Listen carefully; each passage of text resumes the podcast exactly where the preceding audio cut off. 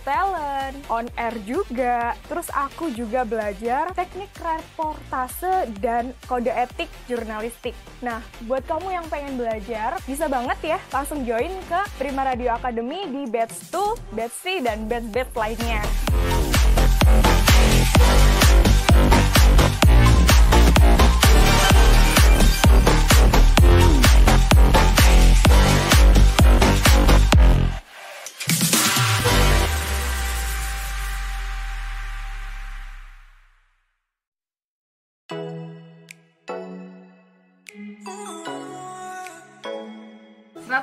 103,8 Prima Radio Surabaya Radio lawan COVID-19.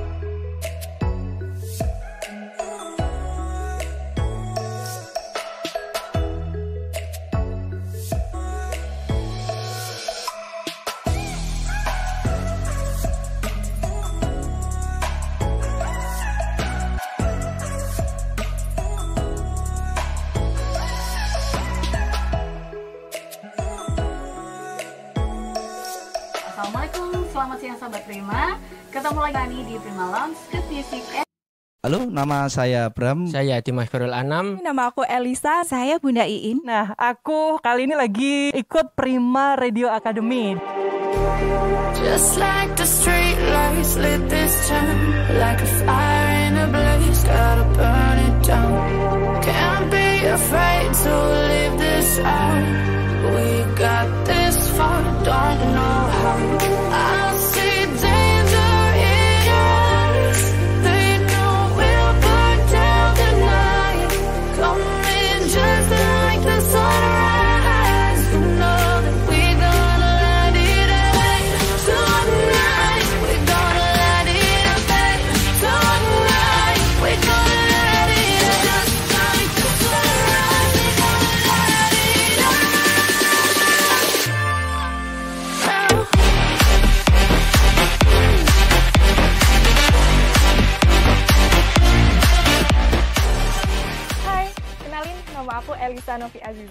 berumur 23 tahun, asal aku dari Gersik, aku jauh-jauh dari Gersik ke Surabaya, cuma buat belajar di Prima Radio Academy. Apa sih Prima Radio Academy itu? Ya, ini salah satu tempat buat belajar broadcasting. Di sini aku belajar banyak banget ya, um, kayak senam diafragma, terus voice over talent, on air juga. Terus aku juga belajar teknik reportase dan kode etik jurnalistik. Nah, buat kamu yang pengen belajar, bisa banget ya langsung join ke Prima Radio Academy di batch 2, batch 3, dan batch-batch lainnya.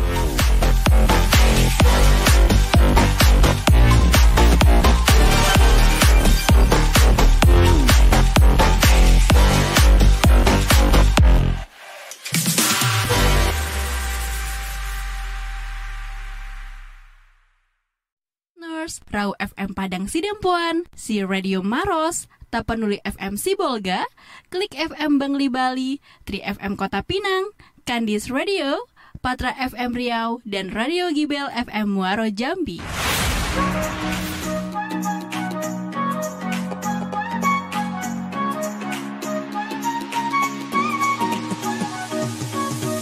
Seratus tiga delapan Prima Radio Surabaya Assalamualaikum warahmatullahi wabarakatuh. Apa kabar sahabat Prima?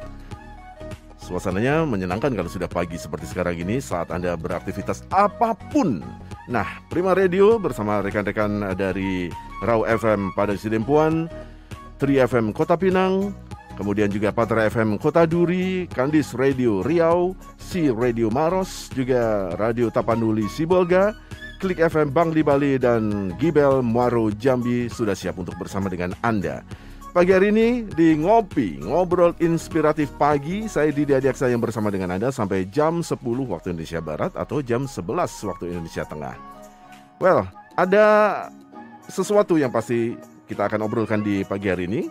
Kalau hari Selasa selalu yang diobrolkan tentang masalah kesehatan. Bisa kesehatan fisik ataupun kesehatan psikologis. Uh, sahabat Prima, Beberapa waktu lalu saya sempat melihat sebuah video yang nggak viral-viral amat sih sebenarnya. Ada di uh, YouTube yang bercerita tentang sebuah keluarga baru. Saya sebut keluarga baru karena di situ um, suami istri baru menikah sekitar tiga tahun. Dikaruniai dikaruniai satu orang anak laki-laki. Dan uh, di usia dua tahun perjalanan uh, anak yang pertama ini uh, ayahnya uh, itu difonis oleh dokter terkena kanker kanker lidah tepatnya. Nah kanker lidah ini tidak bisa dianggap remeh karena tentu saja uh, kalau ngomong lidah berarti seputar rongga mulut. Berarti asupan makanan, minuman yang dikonsumsi lewat mulut menjadi terhalang. Yang masalahnya menjadi semakin berat karena dokter mengatakan kepada istri dan uh, suaminya kalau uh, ini tidak bisa diobati. Yang ada adalah upaya dokter seoptimal mungkin untuk mem mempertahankan usia yang lebih panjang. Itu yang maksimal yang bisa dilakukan oleh tim medis. Nah, sampai bayi kedua lahir tidak ditunggu oleh ayahnya karena ayahnya di Opname dari ini mereka bertempat tinggal di Jawa Barat di Bandung itu. Sampai akhirnya suasananya menjadi semakin uh, kurang bagus gitu karena istri bekerja sendiri memelihara dua anak yang masih baby begitu. Terus uh, suaminya juga semakin drop kondisinya. Akhir dari sebuah cerita ini tentu kita sudah bisa menebak sang suami wafat atas kehendak Allah dan kenyataannya ya mau bagaimana lagi harus diterima begitu. Tentu istrinya awalnya merasa begitu shock mengalami hal semacam ini bahkan beberapa jam sebelum kematiannya kematian suaminya maksudnya itu uh, dia dia antara gundah menerima tidak tidak menerima kalau menerima akibatnya apa kalau tidak menerima maka persoalan apa lagi yang akan dihadapi tapi qadarullah kalau Allah sudah berkehendak ya seperti itulah yang terjadi dan akhirnya suaminya wafat. Ya tentu saya tidak ingin mengajak Anda untuk ber masuk ke sinetron termehek-mehek begitu ya. Tetapi uh, ada sesuatu yang pasti menjadi shock berat sebuah keluarga atau mungkin kita. Di antara kita ada yang mengalami hal yang sama. Kita atau saudara kita, keluarga kita, orang tua kita yang mengalami sakit kanker dan kita mau tidak mau harus menerima. Well, pagi hari ini saya bersama narasumber yang sangat kompeten untuk berbicara tentang ini akan ngobrol tentang topik berdamai dengan semua pengobatan holistik untuk sakit kanker. Ada Mas Babang Arianto ST CHC HT MPD. MPH ya. Selamat pagi. Assalamualaikum Mas Babang. Selamat pagi. Waalaikumsalam Mas Didi. Kebanyakan saya ngomong. iya. Tak apa-apa. Namanya ngopi, ngobrol kan. iya, ngobrol jadi. Mas, uh, iya. langsung kita ngobrol ya di segmen yang pertama ini tentang uh, tadi yang ilustrasi cerita yang saya sempat melihat di YouTube uh, sebuah keluarga baru yang baru hmm. belum sampai 10 tahun akhirnya ditinggal oleh suaminya karena suaminya terkena kanker. Iya. Uh, apa sih persoalan dengan masalah kanker itu, Mas? Kanker itu kan merupakan satu kata yang sangat menakutkan ya di masyarakat ya. Hmm ketika terdengar, uh saudara saya, sahabat saya, teman saya, siapa gitu kena kanker itu rasanya ada sebuah tekanan yang sangat kuat gitu pada diri kita gitu kan. Hmm, hmm, hmm. Siapa pun yang menderita itu kita langsung bersimpati, terus berpikir yang jauh ya tadi seperti yang Mas diilustrasikan kematian seperti itu kan. Karena memang di masyarakat identik bahwa kalau kanker itu ya berarti umurnya nggak lama. Iya, seperti endingnya itu. selalu kematian gitu ya. Iya seperti itu dan jarang sekali orang sembuh. Padahal hmm. kalau kita melihat lebih detail lagi sebenarnya banyak juga survivor atau uh, yang selamat dari kanker itu banyak sebenarnya mas. Meskipun hmm. kalau secara statistik ya memang kecil gitu ya mas ya. Hmm. Tapi apa sih apa namanya kanker itu terus kenapa kok terjadi nah kita bahas di ngopi sekarang hari ini mm-hmm. sebenarnya kanker itu kan satu apa kondisi di mana terjadi mutasi gen atau perubahan gen yang terjadi di sel-sel yang sebenarnya awalnya normal mas kemudian mm. menjadi tidak normal banyak sih sebenarnya sebab-sebab dari penyek, uh, kanker terjadinya kanker itu karena memang kanker itu biasanya multifaktor bukan cuma satu faktor oh karena terlalu banyak makan ini itu gitu kan tapi, tapi biasanya kan gitu ya apa namanya orang oh gara-gara makan ini akhirnya ada kanker gitu kan padahal sebenarnya banyak sekali penyebab dari kanker itu hmm. gitu. Terutama kalau sekarang itu adalah pola hidup kita yang sering kali mengkonsumsi makanan dengan pengawet buatan, hmm. terus hmm. dengan pemanis atau apa pun yang apa ya istilahnya bahan-bahan kimia gitu yes, yang seharusnya memang tidak masuk dalam tubuh kita. Atau tapi karena bahasa dengan, anak muda namanya generasi micin. iya, generasi M berarti. nah, seperti itu. Banyak sekali. Sedangkan kita tahu kanker itu ya tergantung di mana dia tumbuh gitu kan. Kayak tadi yang hmm. diilustrasikan Mas Didi itu kan kanker lidah gitu hmm. kan. Ada hmm. yang yang paling sering terjadi itu kan kanker payudara, kanker hmm. rahim, hmm. kanker mulut rahim itu, hmm. terus kanker otak, terus kanker darah dan sebagainya. Memang sel-sel yang tidak normal atau abnormal itu bisa terjadi di mana saja. Seperti itu tergantung hmm. kondisi yang lemah seperti apa. Nah, kanker itu sendiri pun kan nanti terbagi menjadi stadium-stadium Mas. Hmm. Stadium 1, hmm. stadium 2, 3 sampai 4. 4 hmm. itu sampai A, B, C, D, E segala hmm.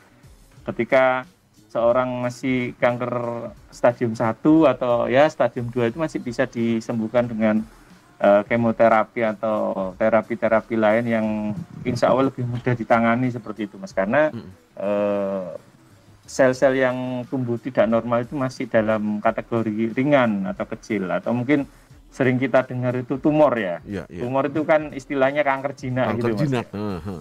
Nah, kalau kanker itu tumor ganas ya dibalik. seperti itu. Ya. Nah, sering kali terjadi seperti ilustrasi Mas Didi tadi. Ketika kita nggak nggak sadar bahwa dalam diri kita itu ada kanker yang tumbuh gitu kan, kita biasa-biasa saja. Terus mungkin ya mengalami gejala-gejala yang tidak terlalu signifikan gitu kita anggap ya penyakit biasa. Tapi kemudian ketika suatu saat kita ada kondisi yang memang mengkhawatirkan, kita cek ke dokter kemudian dinyatakan kita ada kondisi kanker. Dan pada saat itu semenjak ada vonis dari dokter kalau kita ada sakit kanker itu tiba-tiba cepat sekali pertumbuhan kanker itu. Nah, jadi yang misalnya stadium 1 tiba-tiba wet dalam waktu enam bulan nggak sampai setahun hmm. gitu, itu bisa naik sampai tiga, yes. sampai stadium tiga segala macam semakin parah.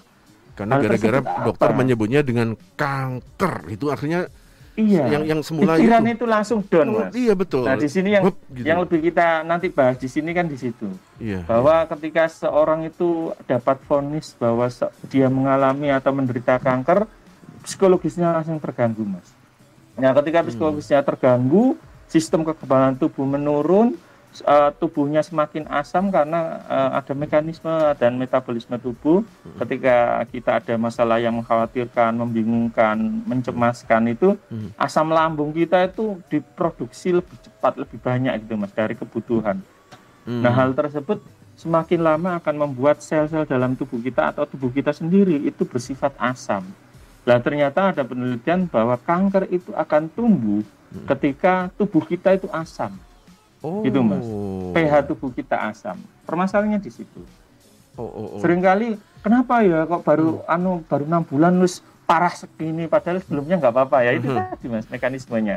Uh, Ketika kita tapi apakah dokter ya? harus mengatakan uh, kanker secara lugas begitu atau di dibahasakan yang lain lah supaya tidak sampai menimbulkan psikosomatis sehingga langsung bisa drop lebih cepat dari perkiraan mungkin di saya terus terang nggak terlalu memahami kode etik kedokteran karena bukan okay. termasuk uh -huh. di situ uh -huh. tapi biasanya memang hal tersebut harus disampaikan tapi hanya boleh kepada penderita atau keluarga yang terdekat mas seperti hmm. itu karena bagaimanapun okay. pihak dokter akan disalahkan ketika hal itu tidak disampaikan gitu mas oh iya iya jadi harus disampaikan jelas harus disampaikan sehingga eh, pihak keluarga pihak pasien dan keluarga bisa bekerja sama dengan pihak kedokteran medis untuk mencari solusi terbaik untuk masalah itu. Karena kan kalau nggak nggak diberitahu ya, oh anda penyakit kanker, misalnya nggak dikasih tahu itu, oh ini nggak apa-apa bu sakit ini ini, ini gitu. Terus kemudian perlu banyak pengobatan yang dalam tanda petik membutuhkan biaya yang besar kan nanti jadi iya. pertanyaan mas. Iya iya. Saya iya. nggak apa, saya sakit biasa aja kok pilnya yang harganya tujuh ratus ribu per butir ya gitu kan dari mana gitu kan mas. Iya, iya, Jadi iya secara secara di bidang kedokteran hal tersebut memang perlu disampaikan tapi yang pasti bukan untuk dijadikan konsumsi publik itu hmm. kan kerahasiaan apa pasien itu ada undang-undangnya mas yeah, iya. bahkan yeah. kan nggak boleh disampaikan apa namanya eh, keadaan pasien apakah itu penyakit kanker kardiabetes atau apa itu nggak boleh dibuat konsumsi publik itu bisa dituntut sebuah rumah sakit atau dokter yang mengumumkan penyakitnya tanpa izin dari keluarga atau dari pasien sendiri seperti itu Baik, baik, baik. Oke, eh, kita akan seriusi lagi masalah kanker, masalah eh, kesiapan mental terutama bagi keluarga atau orang sekitar yang menderita kanker di session yang kedua. Iya. Break dulu ya Mas oke ya. siap siap nah. Guys, ngopi yuk setiap hari Senin sampai Jumat live di 103,8 FM Surabaya. Streaming video di Facebook Prima Radio SBY. Ngopi, ngobrol inspiratif pagi. Halo, nama saya Bram. Saya Dimas Korul Anam. Nama aku Elisa, saya Bunda Iin. Nah, aku kali ini lagi ikut Prima Radio Academy. Just like the street lights lit this town Like a fire gotta burn it down. Can't be afraid to leave this out We got this far, don't know how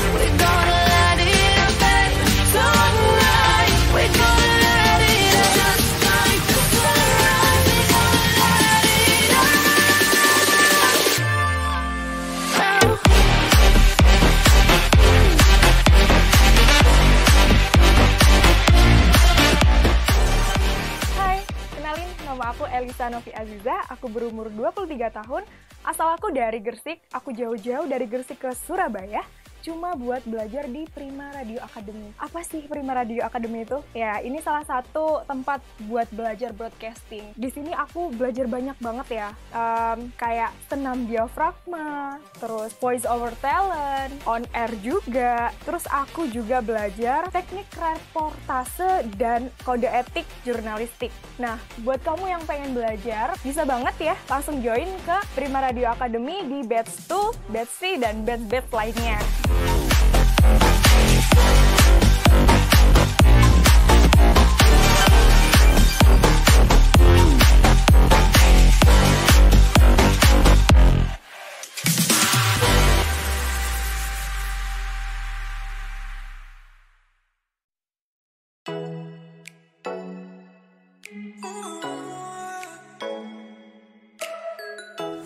103,8 Prima Radio Surabaya Musik enak seharian. Radio lawan COVID-19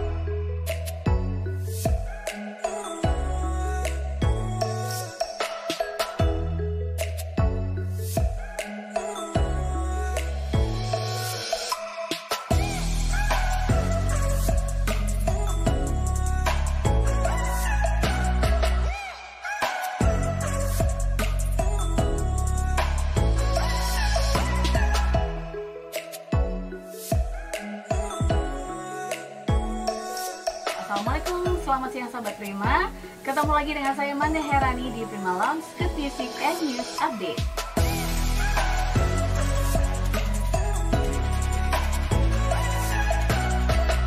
Ngopi yuk setiap hari Senin sampai Jumat live di 103,8 FM Surabaya. Streaming video di Facebook Prima Radio SBY. Ngopi, ngobrol inspiratif pagi. Halo, nama saya Bram. Saya Dimas Korul Anam. Nama aku Elisa, saya Bunda Iin. Nah, aku kali ini lagi ikut Prima Radio Academy. Just like the street lights lit this town Like a fire in a blaze, gotta burn it down Can't be afraid to leave this out We got this far, don't know how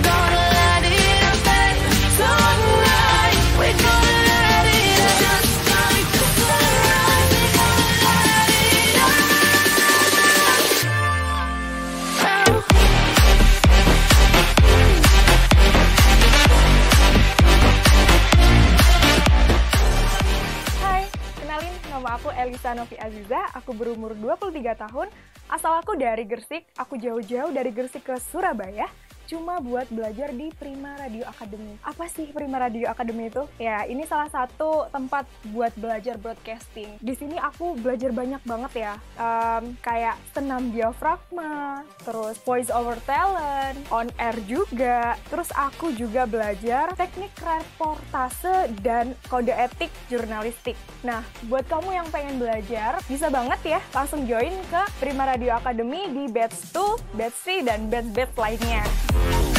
Música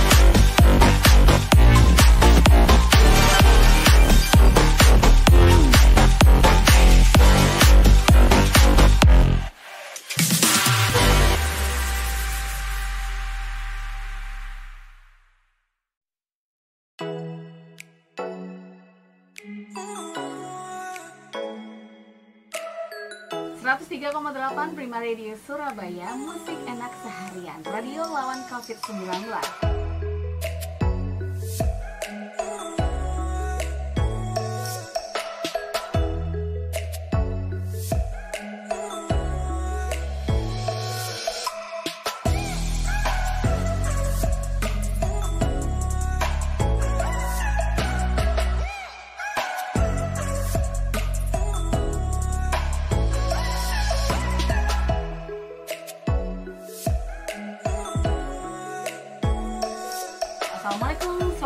Sobat Prima Ketemu lagi dengan saya Manda Herani di Prima Lounge ke TV and News Update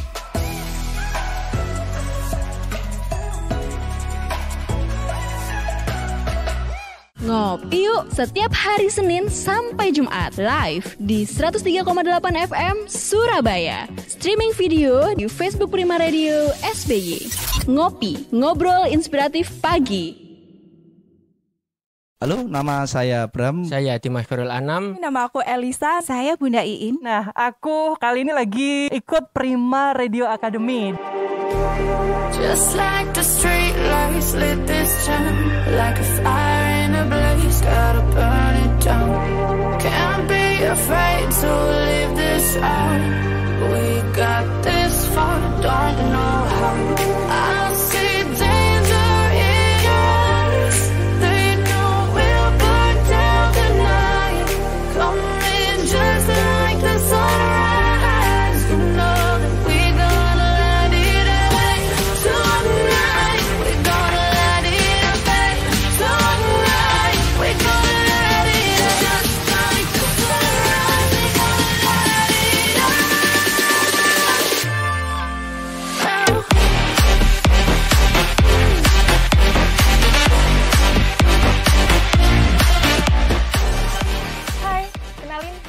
Elisa Novi Aziza, aku berumur 23 tahun, asal aku dari Gersik, aku jauh-jauh dari Gersik ke Surabaya, cuma buat belajar di Prima Radio Academy. Apa sih Prima Radio Academy itu? Ya, ini salah satu tempat buat belajar broadcasting. Di sini aku belajar banyak banget ya, um, kayak senam diafragma, terus voice over talent, on air juga. Terus aku juga belajar teknik reportase dan kode etik jurnalistik. Nah, buat kamu yang pengen belajar, bisa banget ya langsung join ke Prima Radio Academy di batch 2, batch 3, dan batch-batch lainnya. Thank you.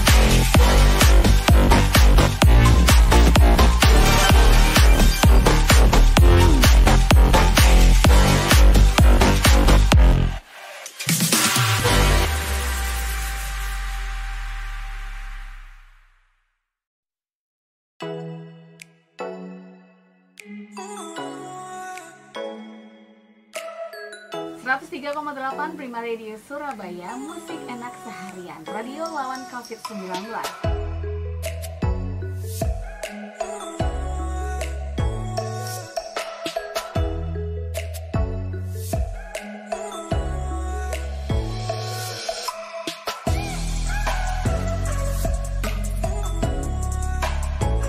meskipun umurnya sudah mungkin lebih dari 50 eh, tahun ya. Tapi yang jelas katanya dia selain melakukan uh, yoga, senam, dia juga mengkonsumsi air mineral dengan pH 8,5.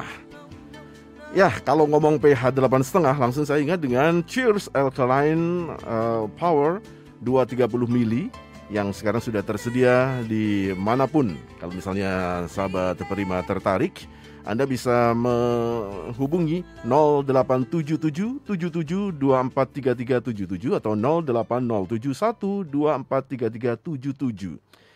Cheers Alkaline Power ini ada kandungan alkalinnya hingga 8,5 yaitu bisa menyeimbangkan pH tubuh Anda sehingga daya tahan tubuh akan terjaga dan melindungi Anda dari virus. Bentuknya itu kecil dan seksi yang memudahkan Anda untuk dibawa ke mana pun dan aktivitas apa pun. Cheers Alkaline Power 230 mili, seksi, healthy, and easy. Kita masih ada di Ngopi, Ngobrol Inspiratif Pagi. Saya Didi Adiaksa bersama Mas Bambang Arya, Arianto, STCH, CHT, MPH. Mas Bambang, kita lanjutin lagi obrolan kita. Oke, siap. Jadi apa yang perlu dikuatkan dari orang-orang sekitar yang saudaranya, mungkin orang tuanya atau siapa pun yang mengalami kanker, Mas? Iya, jadi seperti tema hari ini tuh kan sebenarnya adalah bagaimana kita berdamai dengan semuanya yang termasuk sebagai sebuah pengobatan holistik untuk penanganan kanker gitu kan, Mas.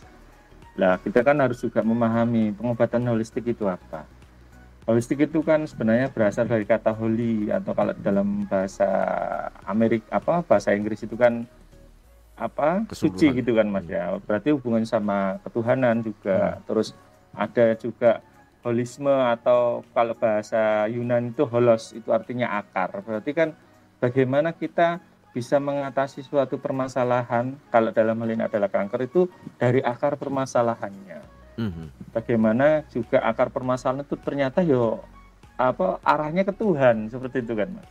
Mm-hmm. Jadi selama ini ketika ada seorang penderita kanker itu sebagian besar kan penanganannya ya dengan dikasih obat, Medis dengan ya. dikasih ya? Kemo kemoterapi, di radiasi segala macam untuk apa disinar lah bahasanya mm-hmm. mas ya. Mm-hmm. Dan itu apa ya mohon maaf mungkin menurut saya pribadi itu bukan pengobatan yang Eh, apa namanya yang paten gitu karena itu banyak juga yang gagal apa kalau hanya mengandalkan itu mas karena memang hmm. banyak aspek yang harus ditangani ketika seorang itu mengalami kondisi penyakit kanker nggak cukup dengan itu gitu mas obat-obatannya ah. jelas mahal. Seperti itu kan ada apa uh, cabang ilmu kedokteran onkologi namanya uh-huh. yang menangani masalah kanker, kanker tersebut. Uh-huh. Dan rata-rata itu obat-obatannya oh, nggak ada yang murah gitu kan, Mas. mas, itu jadi kalau gitu apa yang dimulai dulu? Si penderita ya. atau uh-huh. uh, orang-orang sekitar? Satu adalah bagaimana penderita bisa menerima hal tersebut. Karena ini itu hmm. sebenarnya mudah tapi sulit. Sebenarnya sulit tapi mudah, Mas. iya, Jadi iya ketika seorang penderita tadi yang diilustrasikan Mas Didi seorang hmm. ayah yang akan me, apa, menantikan kelahiran anak keduanya hmm. tiba-tiba difonis kanker dan kemudian cepat sekali dalam waktu nggak lama kemudian akhirnya meninggal karena hmm. dia tidak bisa menerima itu mas bagaimana hmm. pikirannya semakin kacau semakin depresi semakin bermasalah seperti yang saya sampaikan di sesi pertama hmm. itu membuat tubuhnya itu melakukan sebuah men uh, metabolisme untuk menurunkan pH tubuh, semakin asam tubuhnya. Ada hubungannya hmm. sama cheers alkaline tadi. iya. Nah, apa namanya ketika tubuh sebenarnya gini, uh, ada penelitian mengatakan bahwa kanker itu tidak akan tumbuh kalau pH tubuh kita itu minimal 6,2, Mas. Minimal 6,2. 6,2. Jadi itu di atas asamnya itu, ya, Mas? Ya? Kanker itu tidak. Kenapa? Itu asamnya maksudnya? pH tubuh. pH, pH, pH tubuhnya 6,2 minimal. 6,2 oh, okay. minimal itu kanker sudah tidak bisa tumbuh. Jadi kalau pH tubuh kita 6,2, 6,3, 6,4 dan seterusnya hmm. yang ideal itu kan 7,36 Mas hmm. menurut penelitian ya. Hmm. hmm. Itu 7,36 adalah suatu kondisi uh, sangat ideal pH tubuh kita dan kita itu sangat prima kesehatannya. Wah, prima radio hmm. lagi. ya. Jadi ketika apa kanker itu biasanya bisa tumbuh ketika pH tubuh kita itu 5,4 itu mas jadi kan hmm. ketika baru tumbuh ketika pH tubuh kita 5,4 dan ke bawah hmm. semakin bas semakin, semakin asam cepat. berarti semakin subur tubuh kita atau lingkungan untuk kanker itu tumbuh seperti itu Lah ada hubungannya dengan pikiran tadi. Ketika orang stres, cemas, khawatir, ketakutan segala macam, maka otak itu akan me me mengirim sinyal kepada lambung untuk mengeluarkan la asam lambung terus semakin banyak, semakin banyak, semakin banyak, Mas. Lah itu hmm. hal tersebut akan berpengaruh pada keasaman tubuh kita, sel-sel tubuh kita. Itu yang membuat sel kanker itu semakin cepat terjadi atau semakin cepat tumbuh ketika kita di, di apa namanya di dalam kondisi yang ketakutan, cemas, takut dan lain-lain itu tadi, Mas. Nah, itu kan Termasuk, kan itu si penderitanya uh, kan, Mas. Bagaimana ketika uh, kata kanker juga menghujam pasangannya mm, atau keluarga mm, terdekatnya gitu kan. Mm, Dia iya. sendiri aja sudah shock bagaimana bisa membangun uh, optimisme nah. kepada si penderita kalau yang yang ya. orang sekitarnya justru juga ikut-ikutan down gitu.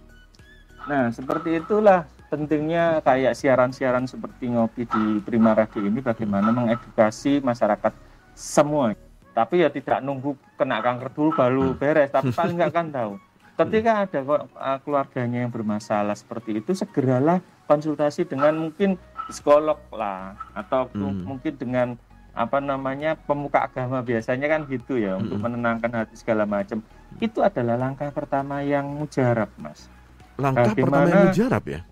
Iya, bagaimana oh. seorang itu bisa mengatasi penolakan atau semacam per apa namanya konflik dalam dirinya ketika ada vonis kanker itu. Itu sangat penting, Mas. Karena ketika seorang penderita bisa mengatasi rasa atau konflik dalam dirinya itu, hmm. dia akan lebih mudah untuk langkah selanjutnya.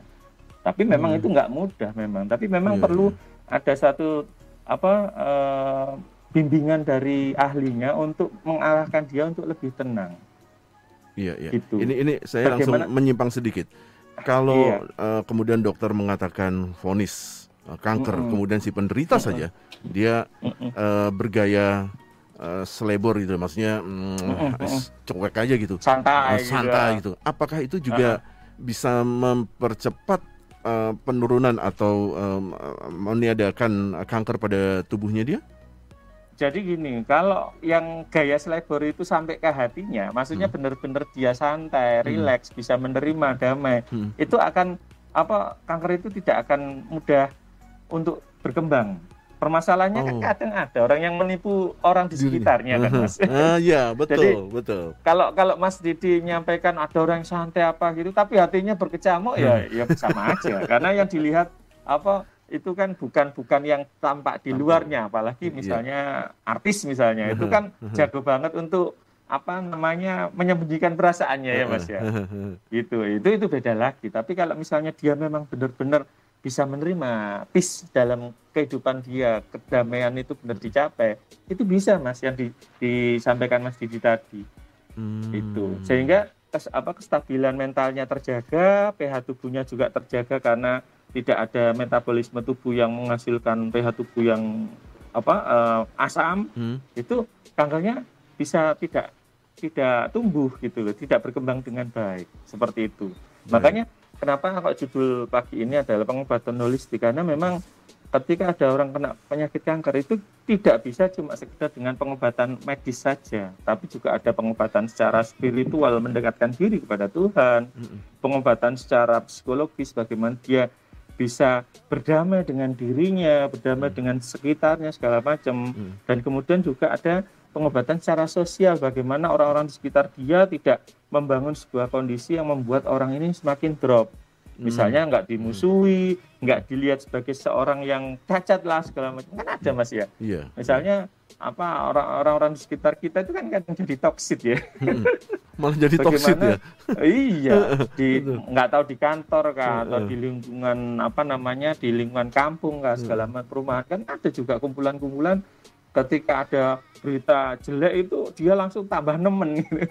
tambah yeah, yeah, menyebarkan racun yang mematikan meskipun mungkin saja dia tidak sadar melakukan itu. Dia kan, kalau saya kan care, saya ingin anu ini, tapi yang dilakukan belum tentu tepat. Yes. Seperti itu, Mas. Itu yang masalah. Oke, okay, oke, okay, okay. uh, session yang ketiga nanti kita akan langsung pada topik bagaimana mengatasi dan membuat damai uh, secara holistik pengobatan yeah. untuk mereka yang menderita maupun orang ada orang-orang yang ada di sekitar penderita kanker ya Mas ya. Iya. Baik, siap. kita akan ketemu lagi setelah ini. Ngopi yuk setiap hari Senin sampai Jumat live di 103,8 FM Surabaya. Streaming video di Facebook Prima Radio SBY. Ngopi, ngobrol inspiratif pagi. Halo, nama saya Bram. Saya Dimas Khairul Anam. Nama aku Elisa. Saya Bunda Iin. Nah, aku kali ini lagi ikut Prima Radio Academy. Just like the street lights lit this town Like a fire in a blaze, gotta burn it down Can't be afraid to leave this out We got this far, don't know how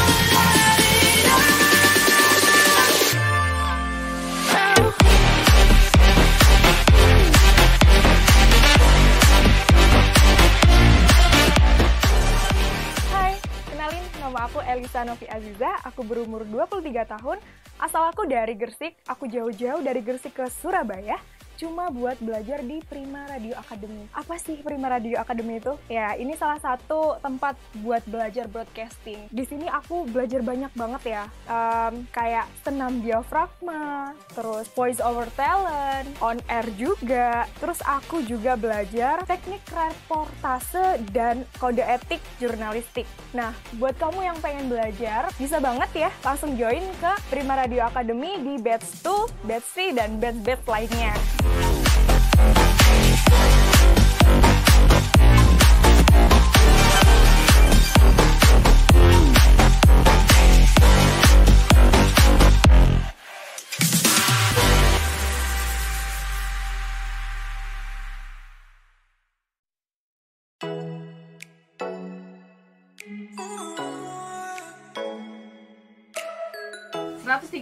Tiga 103,8 Prima Radio Surabaya Musik enak seharian. Radio lawan COVID-19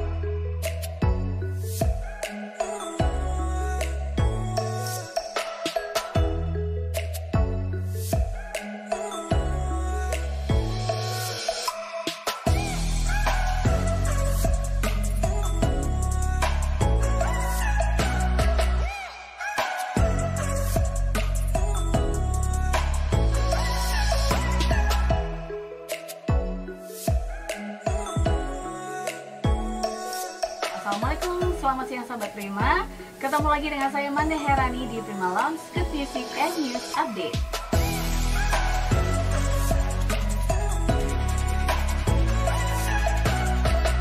Ngopi yuk setiap hari Senin sampai Jumat live di 103,8 FM Surabaya. Streaming video di Facebook Prima Radio SBY. Ngopi, ngobrol inspiratif pagi. Halo, nama saya Bram. Saya Dimas Khairul Anam. Nama aku Elisa. Saya Bunda Iin. Nah, aku kali ini lagi ikut Prima Radio Academy. Just like the street lights lit this town Like a fire in a blaze, gotta burn it down Can't be afraid to leave this out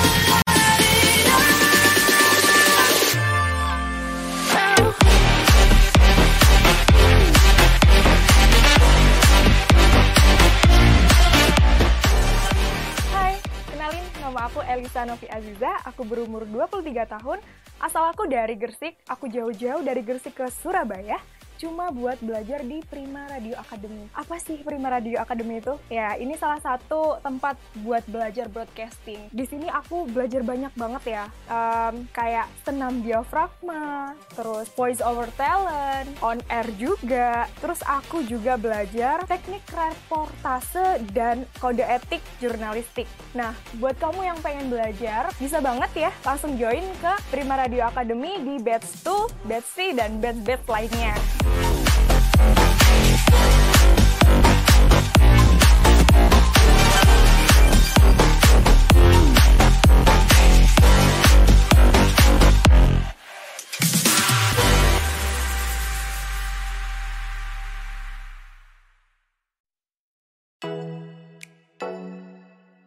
Ooh.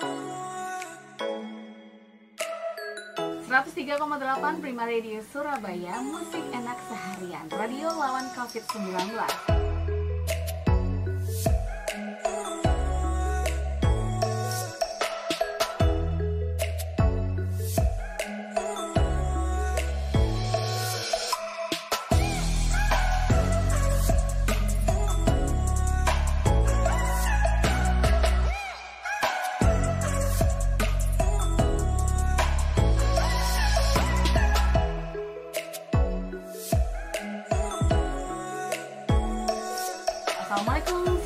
Sahabat Prima Ketemu lagi dengan saya Manda Herani di Prima Lounge ke Music and News Update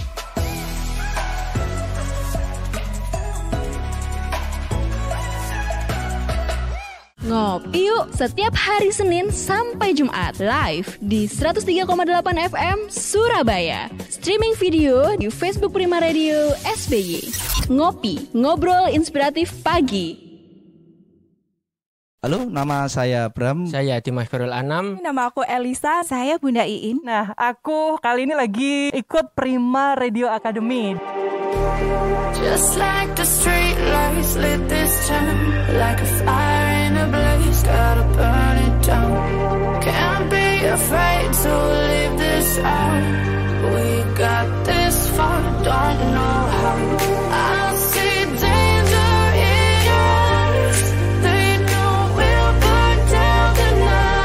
kita di jam 9.45 waktu Indonesia Barat atau 10.45 waktu Indonesia Tengah.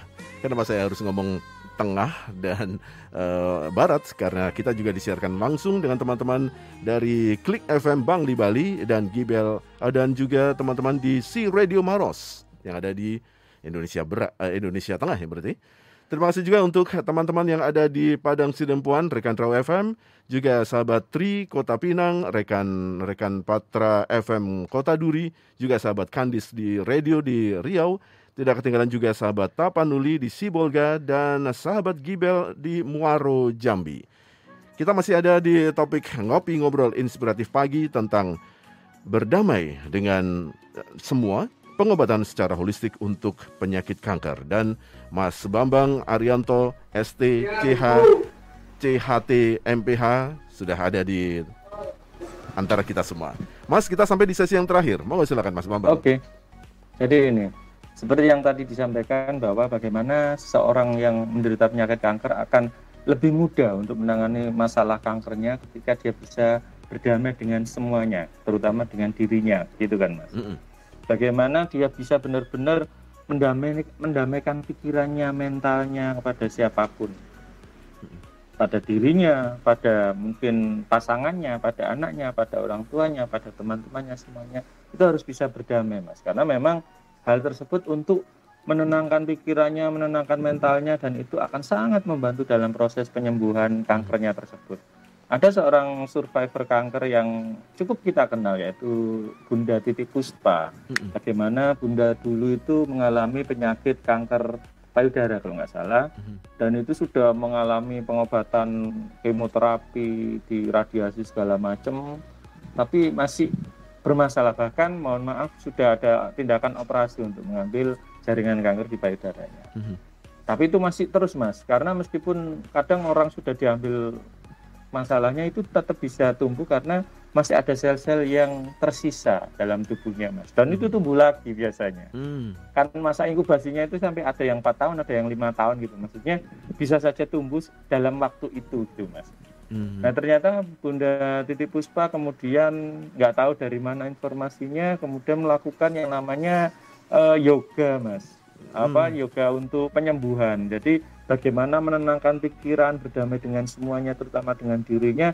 Dan ternyata sekarang sudah bisa sembuh total, sudah tidak ada sel kanker sama sekali dalam yeah. tubuhnya, seperti itu. Dan uh, banyak survivor yang survivor kanker yang melakukan seperti itu akhirnya. Jadi nggak cuma sekedar penanganan secara kemoterapi, penanganan penanganan secara radiasi atau minum obat-obatan medis terus yang hmm. pasti harganya juga sangat biayanya sangat mahal. Hmm.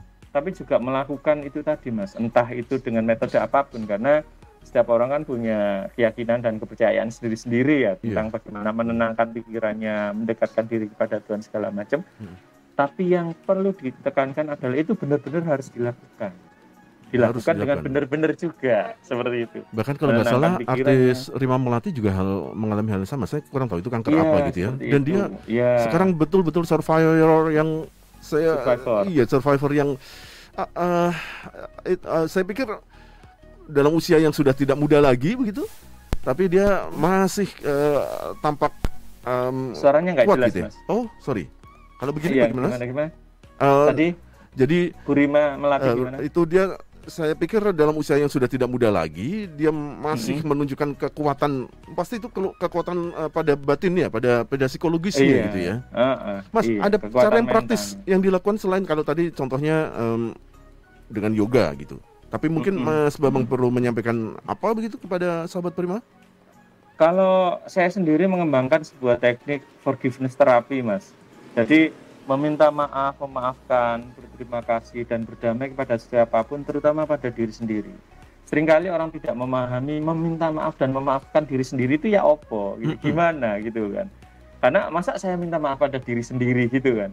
Padahal sebenarnya kalau kita pahami diri kita itu sebenarnya terdiri, terdiri dari beberapa bagian atau lapisan gitu kan. Nah masing-masing bagian sendiri itu punya sebuah otoritas yang di mana bisa saja berkonflik antara misalnya jiwa kita dengan tubuh kita, tubuh kita dengan apa psikologis kita, pikiran kita, itu itu bisa saja saling berinteraksi dan berkonflik. Nah, konflik-konflik itu loh mas yang harus didamaikan. Bagaimana kita melakukan entah itu namanya kontemplasi, entah itu namanya meditasi, entah itu namanya apa semedi gitu. Mm -hmm. Tapi bagaimana kita apa berbicara dengan diri kita sendiri, meminta maaf kepada diri kita sendiri, juga memaafkan diri kita.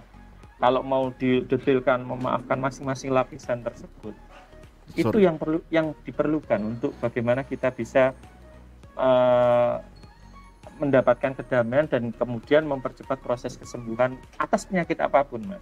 Hmm. Jadi nggak hanya untuk kanker, orang penyakit diabetes itu kan disampaikan bahwa diabetes nggak bisa disembuhkan, hmm. hanya bisa diatasi saja gitu kan. Betul betul. Tapi sebenarnya itu bisa. Tapi ya itu tadi harus kita harus berdamai, berdamai dengan tubuh kita. Tubuh kita ya bisa spesifik mas, dengan hati kita, paru-paru kita, jantung kita. Terutama kalau diabetes itu masalah pankreas gitu. Kalau hmm. kanker kita, misalnya ada yang kanker ya, kankernya tumbuh di mana? Itu bisa aja kita ada masalah yang menyebabkan organ tersebut itu bermasalah itu karena konflik yang ada dalam diri kita itu sendiri, Mas. Dan bahkan ada sebuah penelitian di Jerman itu menyatakan ketika seorang mengalami kanker payudara ya Mas ya, ini hmm. untuk perempuan kanker hmm. payudara atau kanker ovarium yang ada hubungannya kiri dan kanan itu loh, Mas. Hmm. Hmm. Kalau ternyata kanker itu menyerang di di sisi kanan, hmm. apakah itu kanker payudara, entah itu kanker ovarium, itu uh, diteliti ternyata konfliknya itu dengan internal keluarga, mas. Jadi dengan suaminya, dengan anaknya, dengan oh. apa orang tuanya, dengan saudaranya, dengan pokoknya yang masih ada uh, keluarga, hubungan keluarga. Dan kemudian kalau uh, penyakit kankernya itu di sebelah kiri, itu menurut penelitian itu ternyata konfliknya dengan orang di luar keluarga, bisa teman, tetangga, apa rekan bisnis, rekan kerja kayak gitu, hmm. gitu, mas seperti itu. Itu itu hmm. apa eh, pengkategorian yang sudah dipetakan oleh ahli di sana seperti itu. Jadi oh. kalau misalnya penderita sahabat prima di sini ada ada yang menderita kanker payudara kah atau kanker ovarium kah hmm. atau saudaranya atau istrinya atau apanya terus mengalami seperti itu itu lebih mudah mendefinisikan. Oh sebelah kiri, oh berarti ada masalah dengan orang di luar keluarga, gitu kan. Nah, ketika kita sudah in, kontemplasi mencari dalam diri kita, oh ternyata saya bermasalah dengan si A, si B, ayo segera berdamai dengan dia dan dengan sebenar-benarnya damai. Nggak cuma damai yang formalitas, mas. Jadi damai dalam sampai kan dalam hati. Kalau misalnya kankernya di sebelah kanan, berarti oh, masalah, uh, ada masalah dengan keluarga. keluarga. Siapa itu? Ya bisa diintrospeksi sendiri, bisa saja dengan suami, dengan anak, dengan orang tua, dengan saudara, seperti itu, mas. Sekali lagi, itu itu, itu uh, uh, self talk. Jadi ngomong dalam diri sendiri, ataukah perlu disampaikan kepada yang bersangkutan? Perkara dia mungkin tidak mengatakan, oh nggak ada, nggak ada, nggak ada. Oke. Tapi Jadi, ketika saya penderita, saya saya secara jujur menyampaikan. Itu kan harga diri, ego segala macam kan mengemuka ya mas. Betul, sulit betul, untuk betul. untuk bisa minta maaf apalagi misalnya kita dalam posisi merasa kita benar. Nah, merasa loh mas ya.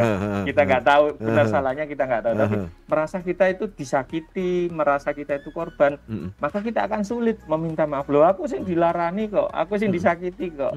Masa aku yang minta maaf gitu kan? Nunggu dia dia dulu yang minta maaf. Loh terus gimana yang sakit orang ini kok gitu kan? Nah ketika misalnya kita merasa ketika kita minta maaf secara langsung itu akan menimbulkan masalah lain, mm-hmm. nah lebih baik kita self talk tadi mas, kita meditasi, kita mm-hmm. kontemplasi, kita dekatkan diri kepada Allah dan mm-hmm. itu tadi menghadirkan sosok yang bermasalah di kehidupan kita itu dan melakukan meminta maaf memaafkan itu secara internal saja lewat batin mm. karena sebenarnya kita itu secara apa eh, kosmologi gitu kita itu ter apa namanya terhubung dengan semua yang ada di dunia ini mas jadi misalnya Mas Didi ada masalah dengan saudara misalnya mm -hmm. tinggal Mas Didi apa ketika misalnya Mas Didi Muslim ketika setiap habis sholat fardu misalnya Mas mm -hmm. Didi se sejenak gitu lima mm -hmm. menit mungkin untuk menyapa orang itu yang bermasalah tadi dengan hmm. memejamkan mata, menghadirkan dia dengan visualisasi ada di depannya Mas Didi. Hmm. Kemudian Mas Didi melakukan tadi kayak self talk itu minta maaf hmm. kepada dirinya orang tadi. Hmm. Aku minta maaf atas semua salah dan khilafku selama ini sengaja maupun tidak. Aku minta maaf. Apa pun lah bahasanya itu hmm. terserah. Hmm. Terus juga disampaikan, aku memaafkanmu atas semua salah dan khilafmu seperti itu. Nah itu dilakukan tapi rutin mas memang karena oh. ketika sesuatu yang berat biasanya karena uh, di pikiran bawah sadar itu ada sebuah program yang menghalangi dia untuk minta maaf. Itu harus dilakukan atau dilawan dengan repetition. Dilakukan dengan perulangan-perulangan terus. Sehingga akhirnya itu benar-benar plong gitu mas. Lah rasa plong rasa damai inilah yang harus dicapai. Ketika seorang itu ada masalah dengan kesehatan dia masalah dengan finansial dia masalah dengan relationship dia dengan siapa pun Hmm. Seperti itu, Mas. Berdamai. Apa pun masalahnya. Orang yang penyakit diabetes, orang yang penyakit darah tinggi. Saya pernah menangani orang penyakit darah tinggi 10 tahun, Mas. Hmm. Sudah berobat ke Amerika, Singapura. Kebetulan beliau salah satu pejabat di daerah Batam sana lah. Hmm. Gitu kan. Ternyata konfliknya ada masalah di masa lalu dia yang kemudian tidak bisa dia selesaikan, akhirnya terus jadi masalah sampai sekarang. Maaf, maaf, Mas, saya potong. Dan, uh, kalau dia merasa ada hubungan yang kurang baik dengan seseorang lah gitu. Dan maaf, yang yang dimaksud itu sudah meninggal. Apakah mungkin itu bisa dilakukan, Mas?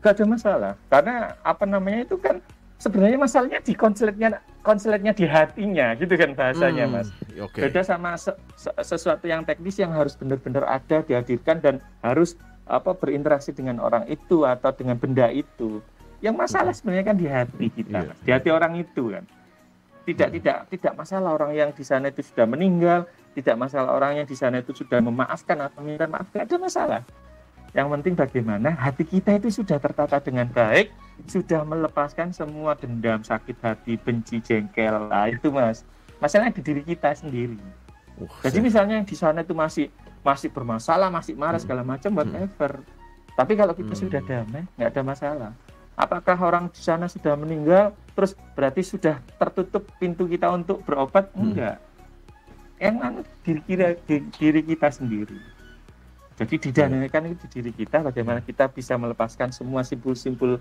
yang ada dalam hati itu itu yang penting mas Wah, kalau tadi di awal ngobrol saya sampaikan ini bukan program termeh-meh, jadi saya sekarang justru saya ada di wilayah termeh-meh ini mendengar kata-kata yang disampaikan iya. Mas Bambang. Oke oke, Eh, eh. Mas Nyon Sewu, ini itu. ternyata Ah. ada beberapa sahabat Prima yang sudah masuk, tapi karena waktu kita sangat amat terbatas, ada yang Ah. bertanya juga bagaimana menghubungi atau nomor telepon Mas Bambang untuk bisa di-share kepada sahabat Prima atau pendengar eh, radio-radio lain yang sudah merelay acara ini. Silakan Mas.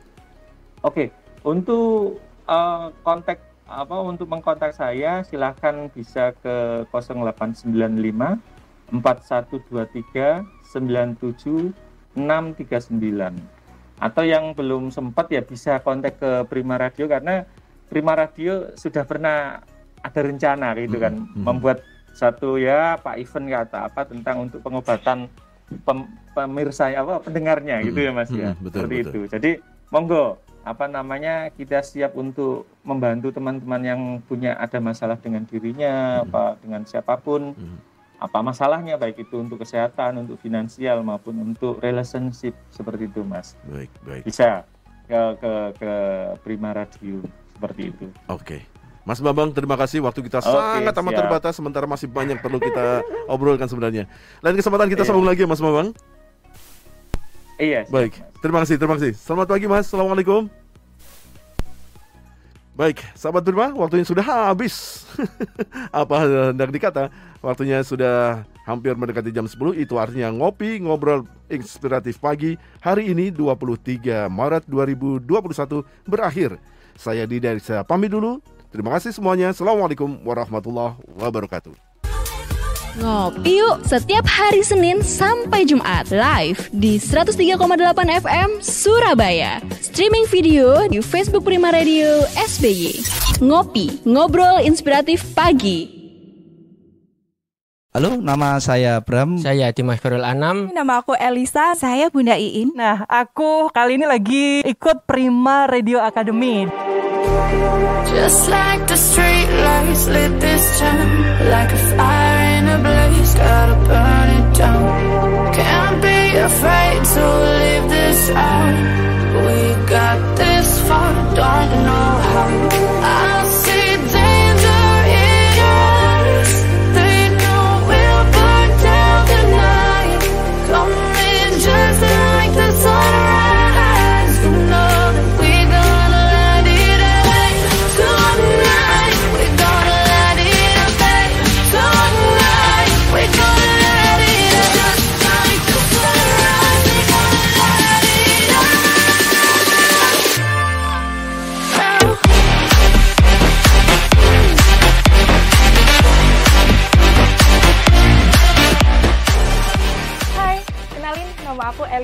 Aziza, aku berumur 23 tahun, asal aku dari Gersik, aku jauh-jauh dari Gersik ke Surabaya, cuma buat belajar di Prima Radio Academy. Apa sih Prima Radio Academy itu? Ya, ini salah satu tempat buat belajar broadcasting. Di sini aku belajar banyak banget ya, Em, kayak senam diafragma, terus voice over talent, on air juga, terus aku juga belajar teknik reportase dan kode etik jurnalistik. Nah, buat kamu yang pengen belajar, bisa banget ya langsung join ke Prima Radio Academy di batch 2, batch 3, dan batch-batch lainnya.